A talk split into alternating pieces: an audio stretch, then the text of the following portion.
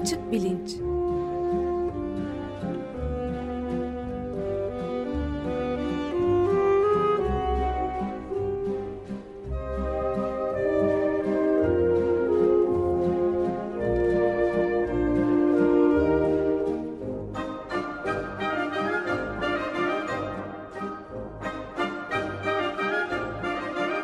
Güven Güzeldere ile bilim ve felsefe sohbetleri. Günaydın Güven Bey, merhabalar. Günaydın Ömer Bey. Günaydın Güven Bey, merhaba. Can günaydın. Günaydın Güven. Küçük ev gibi oluyor değil mi evet. böyle? Aynen öyle ama Can bilmez o küçük evi. Özlem Çevik'le beraberiz ama Güven Bey söyleyecek. Ee, evet, günaydın Özlem. Ben e, hemen tanıtayım. E, e, sinek bilimci, e, evrim kuramcısı, biyolog ve psikolog e, Özlem Çevik bugün konuğumuz. TOB Ekonomi Teknoloji Üniversitesi'nden. E, e, meyve sinekleri evrim kuramı e, konusunda belki en çok katkıda bulunmuş e, canlı türü. Bu e, boy itibariyle bir milimetreyi bile bulmayan e, boyları ve minicik sinir sistemleriyle var olan bu e, olağanüstü e, canlılar e, konusunda bugün biraz konuşacağız. E, konuğumuz Özlem Çevik e, e, çok disiplinli çalışmalar e, yaparak e, araştırmalarını sürdürüyor. E, Orta Doğu Teknik Üniversitesi'nden mezun olduktan sonra Indiana Üniversitesi'nde e, doktorasını tamamlamış. E, hayvan çalışmaları, entegratif çalışmalar e, merkezinde çalışmış. Arkasından yine Amerika Birleşik Devletleri'nde Duke Üniversitesi'nde e, doktora sonrası araştırmalar e, yapmış. E, pek çok başarıları, TÜBİTAK ödülleri var. E, fareler, sıçanlar ve güvercinlerle çalıştıktan sonra şimdi çalışmalarının odağını meyve sineklerine döndürmüş vaziyette. E, Özlem belki e, istersen buradan başlayalım. Niye niye meyve sinekleri? Nereden aklına geldi ve meyve sineklerini e, çalışmak niye önemli? Ama e, bu başlamadan önce ben bir de konuklarımızdan bahsederken e, 17-18 kadar da meyve sineğinin de stüdyoda konuğumuz olduğunu belirtmek isterim. Açık televizyona geçemediğimiz için şimdilik sözlü sunumla yetiniyorum. Özlem Hanım getirmiş bize. Bakacağız onlara. Tamam, şahane. Ya, sineklerle birlikte gelmenin aslında bu programı yaparken ben çok ilham verici olacağını düşündüm bizim için. Çünkü gerçekten minicikler ve çok güzeller ve e, bilim tarihinde onun kadar önemli çok az kişi var. Yani biz bilim insanları onun kadar önemli değiliz. Bizlerden daha çok hizmet etmiş birisi bilime. O yüzden e, yani biraz e, bilim tarihinden bahsederken bu kadar küçücük ve önemsiz görünen e, bir hayvana bakıp e, çok önemli yani kalıtım hakkındaki çok önemli e, bir takım prensipleri e, araştıran bilim insanlarına ilk önce bir selam çakıp başlayabiliriz e, zannediyorum programa. Evet. Ve bu e, yani benim vurgulamak istediğim bir takım şeyler var. E, en son söyleyeceğimiz şeyi belki en başında e, söylemekte fayda var. Dünyadaki bütün canlılara, bütün diğer canlılara çok fazla benziyoruz. Yani biz insanlar hiç de öyle ayrı bir yerde değiliz, hiç de ayrıcalıklı değiliz. Bir bütünün parçasıyız ve e, hep belki kendimizi de hayatımızı da e, bu bilgi çerçevesinde düşünmenin bir faydası var. E, bilim de bize hep bunu gösteriyor. E, böyle deyip bir başlayalım. Evet çok önemli. Gerçekten dediğiniz gibi de esin e, verici oluyor tam da bu söylediğiniz açıdan. Çünkü e, çok küçük ve hiçbir benzerlik yokmuş gibi gözüküyor. Oysa önemli genetik benzerlikler gösterdiğimiz apaçık ortaya konuyor sanıyorum. Aha. Hemen söyleyelim mi? İnsan Genomu Projesi'nin model hayvanlarından bir tanesidir. Genom dizisini ilk elde ettiğimiz hayvandır Ve sinek açısından bakıldığında e, genlerimizin yüzde sekseni ortaktır. Yüzde seksen. Yani şey. hiç de öyle dünyadaki başka hayvanlara, başka canlılara benzemez falan birileri değiliz bir kere. Uzaktan Bunu bir akrabalık var. Evet yani Yüzde ve seksen şey, yahu. uzaktan akrabalıkta yüzde seksen. Yani yakın akrabalarımızla falan yani hani fareler yani diğer memelilerle falan zaten yani Şempanze, o kadar çok filan. benziyoruz ki. Evet ama şunu şu geldi aklıma. E, meyve sineklerini incelerken e, farklı karakterler olduğunda görebilmeniz mümkün oluyor mu? Yani o, o ufak e, nüansları da yakalayabileceğiniz alanlar oluyor mu? Vallahi Can o kadar güzel bir soru sordu ki e, bu bugünlerde bizim gündemimizde olan ve aslında e, çok sıcak olan yani şu son zamanlarda böyle gitgide ısınan bilimsel sorulardan bir tanesi. E, iki hafta önce mi üç hafta önce e, Amerika'da çok e, prestijli bir e, dergide bir e, yayın gördük. E, hamam böceklerinde bireysellik. Çok ilginç. KPSS'den 10 19,96 Evet, veriyoruz evet. kendisine. Bir şampi- şampiyon var yani aramızda böyle uzaktan baktı ve sezdi her şeyi. Fakat bu gerçekten çok enteresan e, güven. Hmm, e, Şimdi bu minicik hayvanlara bakıp bizim durduğumuz yerden hani e, birbirinin aynı olan bu hayvanlara bakıp biz onlara birey diyebilir miyiz diye bir soru soruyoruz. Evet. Ve besbelli davranışlardaki farklılıklar e, ve e, düzenlilik gösteren farklılıklar e, bu sorunun temelinde yatıyor. Yani e, hamam böceklerinde ya da sineklerde e, hamam böceklerine ya da sineklere birey diyebilir miyiz sorusu e, tahmin edebileceğimiz gibi e, kişilik kuramı üzerinde çalışan psikologları ve biyologları çok ilgilendiren bir soru. Kişilik dediğimiz şey Evet. ya da kişi dediğimiz şey ne aşamada ortaya çıktı? Ee, sen meyve sineklerini bu getirdiğin 17 sineğin içinden birini diğerinden mesela nasıl ayırt edebiliyorsun? Ayırt etmen gerekiyor mu ya da çalışmaların sırasında? Hı hı. Ee, şimdi bu bizim için üstünde çalışmaya başladığımız bir e, soru. Ee, şöyle, e, bireyler üzerinde yaptığımız bir davranış testi geliştirdik ve bu davranış testi aslında dikkat ölçüyor. Ee, sinekler bir anda kendilerine verilen çeşitli uyarıcılardan bir tanesini dikkat dışı bırakıp diğerine yönelebiliyorlar mı diye bir soru soruyoruz. Ve bu önemli bir Evet. soru çünkü e, sinekler gözlerini kapatamıyorlar. Bizim gibi göz kapakları yok. Ve e, kullandığımız protokolde dikkat dışı bırakmaları gereken uyarıcılardan bir tanesi görsel. Yani gerçekten hani hayvancık gözünü kapatamadığı için eğer o görsel uyarıcıya tepki vermiyorsa bu merkezi sinir sisteminin bir marifeti. Yani gördüğü bir şeyi e, dikkat dışı bırakıyor. Ona uymuyor. Davranışını e, onunla kontrol e, etmiyor. Peki e, bireyleri birbirinden ayıramıyorum Güven ama şöyle bir şey fark ettik. Bu ön, e, bu zannediyorum bunun üstünden bir e, e, bugün açık olan ucu açık olan bir soruya giriş yapabiliriz. Şimdi bizim beynimizde bildiğimiz gibi bir kimyasal e, iletiler bütünü var değil mi? E, be- beyin hücrelerimiz birbiriyle kimyasallar yoluyla anlaşıyor.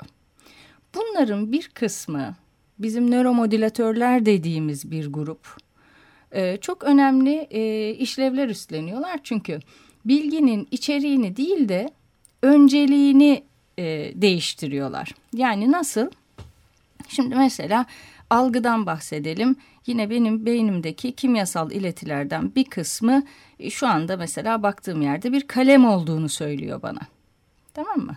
Bu e, bu şekli benim için çizen, benim beyin dilime çeviren bir iletiler bütünü var. Bir de bu kalemi benim için şu anda başka şeylerden daha öncelikli yapan bir şeylerin olması lazım. Çünkü benim beynimde şu anda ayağımdaki ayağımda ayakkabı olduğunu söyleyen bir iletiler bir iletiler bütünü de var.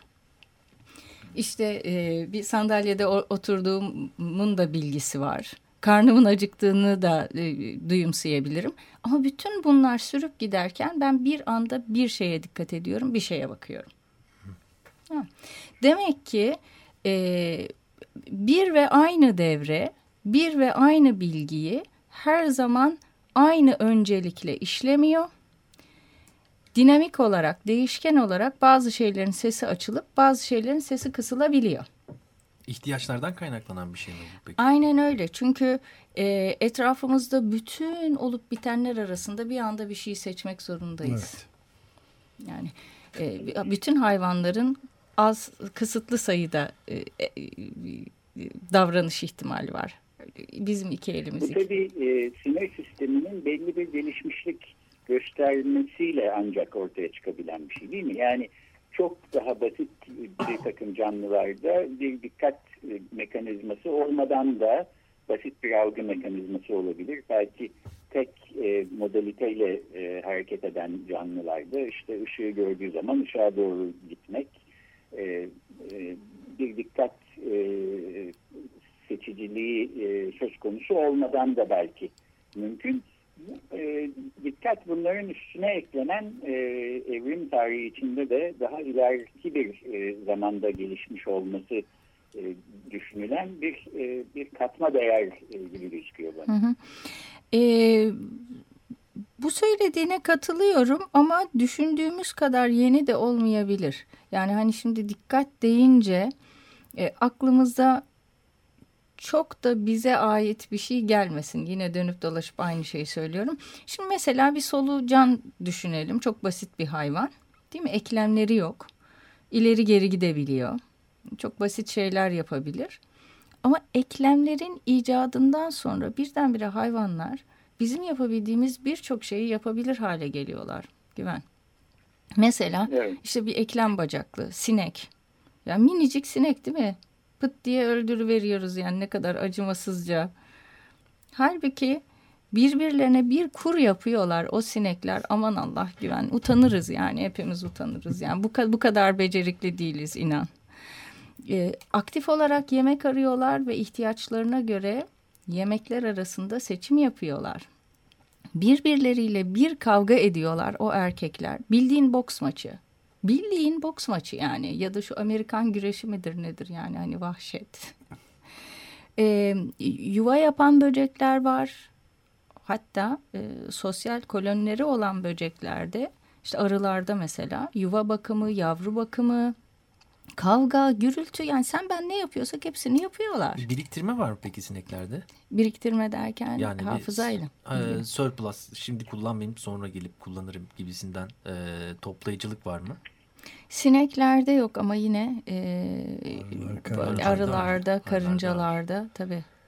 Ben de bu noktada bir şey sorabilir miyim? Şimdi e, can kelimenin her anlamında can alıcı bir nokta bu e, uyum kapasitesi açısından nasıllar? Yani şimdi e, uzun süreden beri dünyayı da çok yakından e, meşgul eden soru iklim değişikliği ve küresel ısınma işte. Ve buna e, bu hızlı yükselişinden dolayı da adapte olamaması durumunda birçok canlının yalnız küresel ısınma, e, ısınma ve küresel iklim değişikliği değil başka bazı sebeplerle de e, bir yok oluşa doğru gidişin bütün örneklerini bilim insanlarından duyuyoruz ve bazı yaratıklar e, bunun e, uyum sağlayabilip kalabilecekler gibi görünüyor. Bu açıdan nasıl değerlendiriyoruz uyum kapasitesi açısından mesela hamam böcekleri kalıcı olabilir belki meyve sinekleri de kalabilirler bilmiyorum yani insanın ama tehlikede olduğunu açıkça hı hı. ve beraberinde de pek çok canlıyı da götüreceğini artık net olarak söyleyen raporlara rastlıyoruz. Çok ciddi hı hı. raporlara yani. Hı hı. Ee, sinekler özelinde e, bir şey söyleyebilir miyim onu bilmiyorum ama şundan e, belki bahsetmek doğru olur. Bizler çok büyüğüz. Yani Öyle işte e, ben ufak tefek bir insanım. İşte bir buçuk metreden biraz daha yükseğim yani. Hani bu çok büyük bir canlı. Dünyadaki e, canlıların birçoğu, birçok canlı türü bize göre çok küçükler. Ve bak şimdi küçük olunca ne oluyor? Bizler yüzey alanımız yani yüksekliğimizin karesiyle diyelim basitçe yüksekliğimizin karesiyle su kaybediyoruz. Hacmimizle yani yüksekliğimizin kübüyle diyelim su tutuyoruz.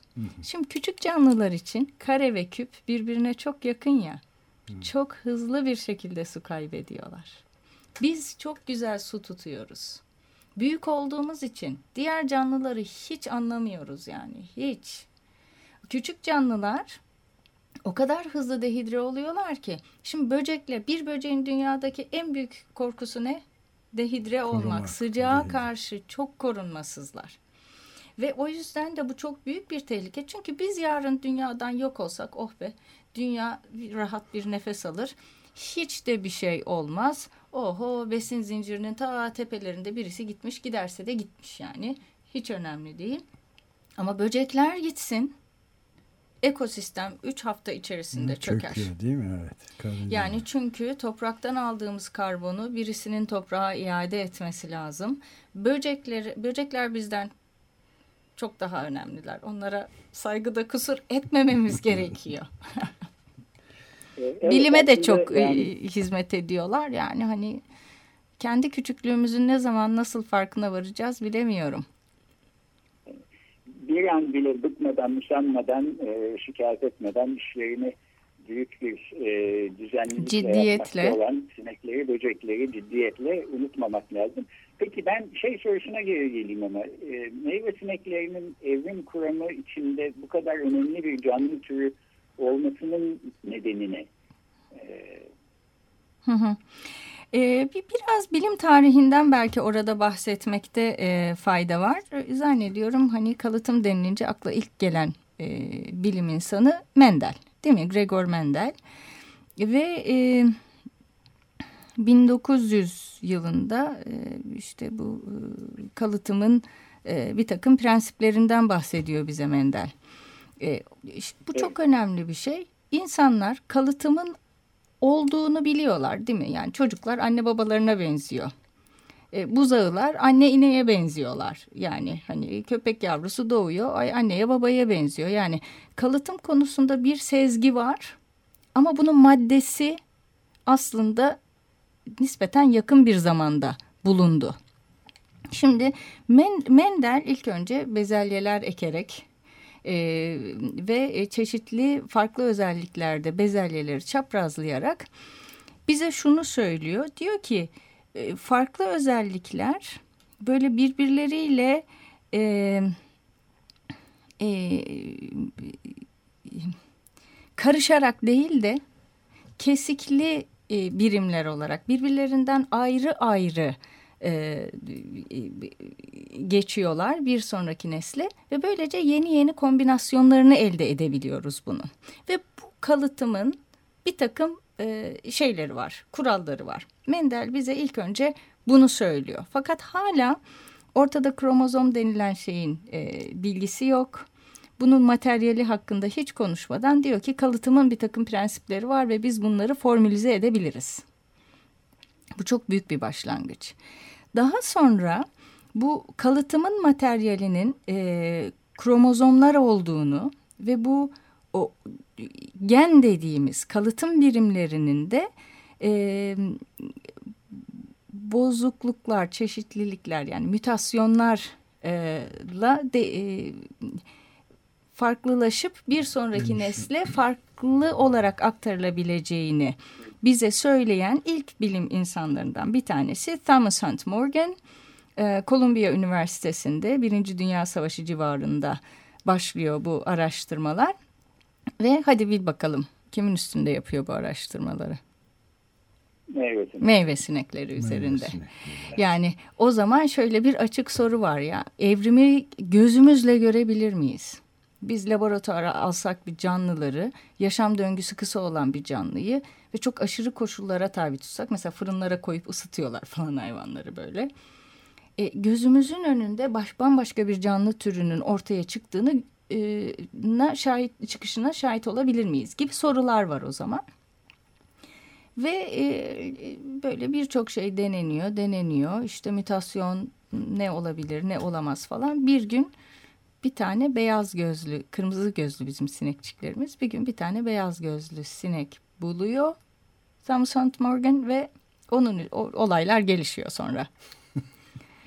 Sonra evet, da yani nesilden nesile e, aktarılan değişiklikleri e, diğer canlılarda görebileceğimizden çok daha hızlı bir süreç içinde görmemizi e, sağlıyor, sağlıyor ve şöyle şeyler de buluyor.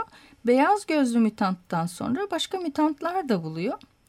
Ve bizim e, yani bugün çok fazla kullandığımız ve gen haritası dediğimiz şeylerin oluşturulmasında bize e, e, rehberlik rehberlik etmiş olan e, evet. bu e, bağlantıları gösteren haritalar ortaya çıkıyor. Nasıl? E, şimdi diyelim ki farklı mutasyonlar e, ya da o farklı genler kromozomların üstünde yerleşiyorlar ya bunlar. Bir, ne kadar yakın duruyorlarsa birbirlerine bir sonraki nesle birlikte aktarılma ihtimalleri o kadar artıyor. artıyor değil mi? Evet. Şimdi bu haritaları ilk e, böyle sabırla e, şey eden bu haritalar üzerinde çalışan ve meyve sineği kullanarak çalışan kişi Thomas Hunt Morgan ve 1933'te de Nobel ödülü alıyor bunun için. Evet. Ve daha sonra biz bu haritaları şöyle kullandık. İnsan genomu projesi başladığında bizim model organizmalara ihtiyacımız vardı. Hadi bakalım seçeceğiz şimdi hangi hayvanı kullanalım. E, e tabi e, hangi hayvan hakkında en çok bil, şey biliyorsak oradan başlamak akla uygundu ve o da meyve sineği oldu. Genom dizisini ilk e, elde ettiğimiz hayvan meyve sineği. Evet. Peki e, senin belki şu anda meyve sinekleriyle yaptığın çalışma ya da meyve sineklerinin e, ile yapılan çalışmaların e, günümüzde gösterdiği en önemli bir iki şeyden de bahsetsek. E, bundan bahsetmek bence de bugün çok önemli bir şey. Çünkü ben bu tür araştırmaların ülkemizde yeterince temsil edilmediğini düşünüyorum. Ve e, umarım da e, lafı güzelce toparlayabilirim ve umarım gençler bizi dinliyordur. Çünkü konektom projeleri dediğimiz beyin bağlantı haritalarının e, çıkarılmasıyla ilişkili bir takım büyük projeler var şu anda dünyada. Konektom Konektom. Beyin bağlantı haritası demek yani beynimizdeki sinir hücreleri e, birbirleriyle nasıl bağlantılar yapıyor diye bir soru var ortalıkta. Şimdi Konektom e, projesinin de bir takım model hayvanları var. Sinek konektomunu e, tamamlamak üzereyiz ama ilk önce 302 tane nöronu olan C. elegans e, diye bir solucanın e, konektomunu elde ettik. Ve bu konektomlar üzerinde çalışırken de şöyle çok enteresan bir e, bilgiye ulaşmış olduk. E, hep bizim beynimizde bilgi işlem biriminin ne olduğunu biz merak ediyorduk. Yani beynimiz bir takım işler yapıyor. Evet bunu çeşitli özelleşmiş alanlar aracılığıyla yapıyor. E, fakat nasıl çalışıyor bu alanlar? Yani hangi nöronlar hangi prensiplerle bağlantı kurup birbirlerine ne diyorlar ki sonunda biz biz oluyoruz? Muazzam karmaşık bir iş aslında. Karmaşık kelimesi doğru kelime. Çünkü karmaşıklık bizim teknik anlamda şu şu, şu teknik olarak şu anlamda kullanırız. Ee, parçaların toplamından daha büyük Hı. olan bütünlere biz karmaşık deriz. Yani bizim bu nöral devreler, bu bağlantılarını bulmaya çalıştığımız devreler var ya, kendilerini ortaya çıkaran nöronların toplamından büyük bu devreler. Öyle bir çalışıyorlar ki çalışırken ortaya yeni özellikler çıkıyor. Çıkıyor evet. Ve bu özelliklerin prensiplerine baktığımız zaman ne tür özellikler tanımlı diye baktığımız zaman hadi tahmin edelim. Solucan beyninde, sinek beyninde, beyninde. bizim beynimizde aynı. Aynı. evet. Bu da tabii çok olağanüstü bir e, sonuç aslında. Yani e, meyve sineği beyni ya da solucan beyni gibi e, nöronlarını iyi kötü e, tek tek e, sayabileceğimiz, insanlarda hiçbir şekilde e, yapamayacağımız türde çalışmalar yapabileceğimiz hayvanlarda bile böyle karmaşık, komplike vasıfların tezahür etmesi ve bütünün parçalarından daha büyük bir şey oluşturduğunun bu çok bize göre belki e, daha küçük, daha e, basit diye tanımlayabileceğimiz hayvanlarda bile bunun e, gözüküyor olması bence e, bilimin gösterdiği en e, olağanüstü, en sıra dışı e, olgulardan bir tanesi. Hı hı. Evet, yaklaşık böyle bir dakikamız falan var. Son nasıl bağlıyoruz?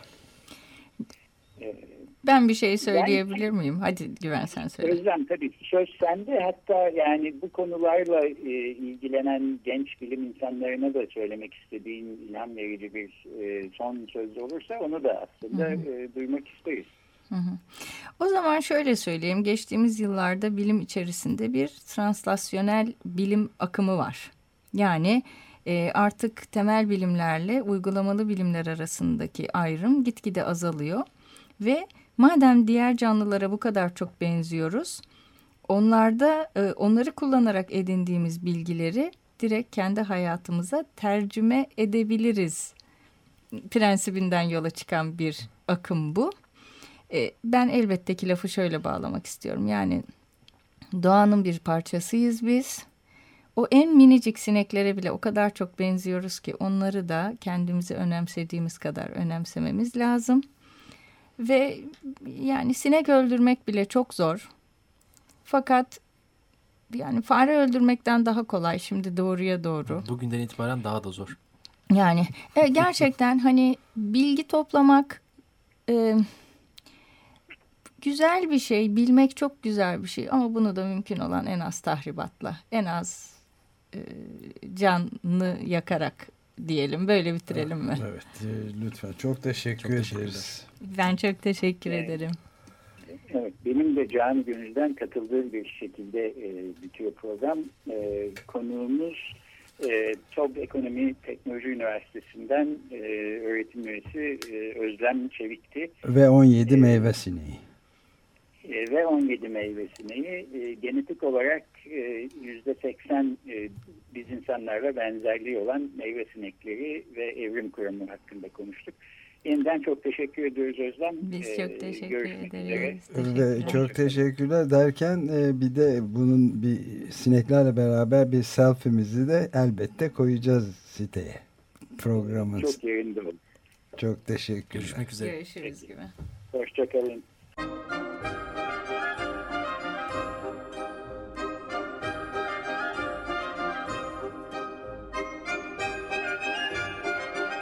Açık Bilinç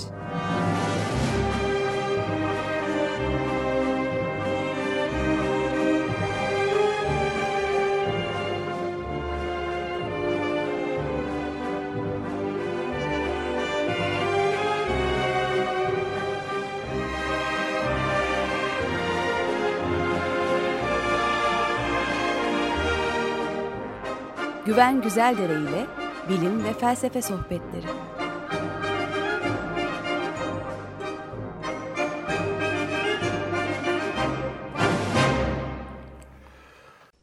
Açık Radyo program destekçisi olun. Bir veya daha fazla programa destek olmak için 212 alan koduyla 343 41 41